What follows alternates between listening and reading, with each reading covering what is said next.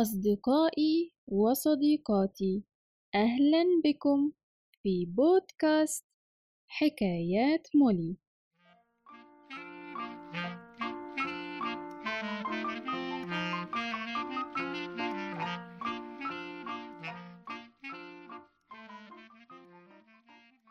حكايتنا النهاردة بعنوان لن يلاحظ أحد الفرق كتبتها علا كحالة.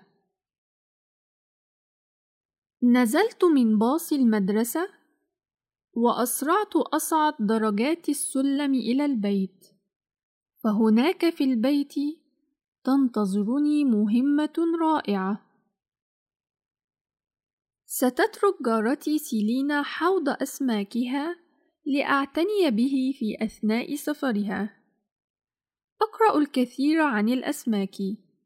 وعندما أكبر سأصبح عالمة. وربما أسكن في فقاعة تحت البحر. قالت سيلينا اعتني بسمكات الخمس جيدا يا هايا وخاصة بسوشي المرقطة. إنها سمكتي المفضلة. أنت المسؤولة عنها الآن. هذه مسؤولية سهلة. فماذا سيحدث لسمكات تسكن في الحوض؟ بعد الغداء أطعمت السمكات وأخبرتها عن مغامرتي في المدرسة فتسلت كثيرا. همست للسمكات. قريبا ستكون لي سمكة خاصة بي. فأنا أدخر منذ شهر لأشتري من السيدة أم تونة سمكة جميلة تشبهكم تماما. وجدت الحوض متسخا فأفرغته من الماء وملأته بماء نظيف من الصنبور. ثم راقبتها وهي تسبح بهدوء. الأولى الثانية الثالثة الرابعة أين السمكة الخامسة؟ أين سوشي؟ أين سوشي المرقطة؟ أنا المسؤولة عنها هل ملت من الحوض وقفزت منه؟ هل هربت وأنا أفرغ الحوض؟ أين ذهبت هذه السمكة المشاكسة؟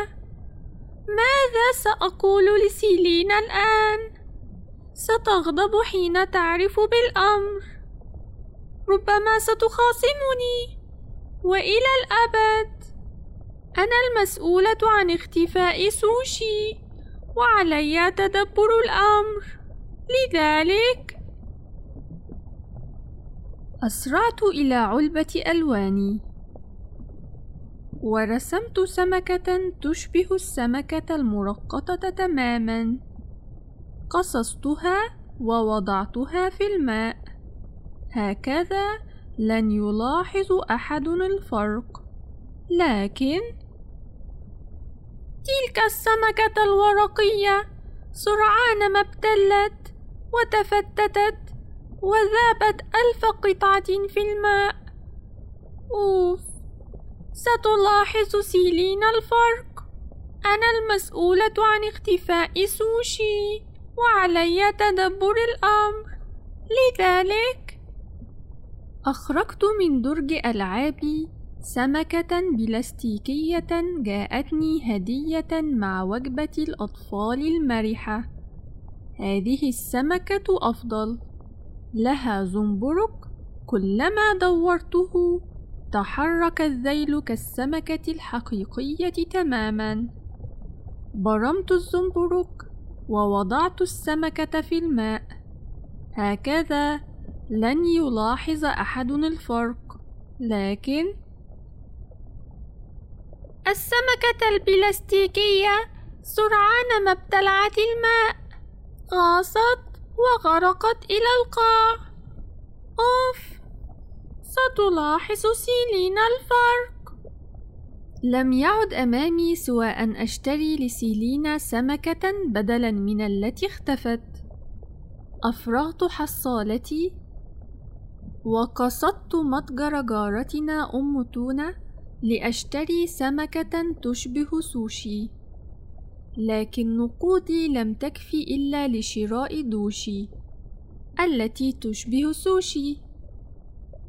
مشكلتها الوحيدة أنها أصغر قليلا ترى هل ستلاحظ سيلينا الفرق؟ لما عادت سيلينا من السفر سألتني كيف حال سمكاتي؟ ثم حدقت في الحوض وصرخت ما هذا؟ أين سوشي؟ ومن هذه السمكة الصغيرة؟ أوف! بهذه السرعة لاحظت سيلينا الفرق. الآن علي أن أعترف بالخطأ الذي وقع. أجبتها: إنها دوشي، وكل ما في الأمر.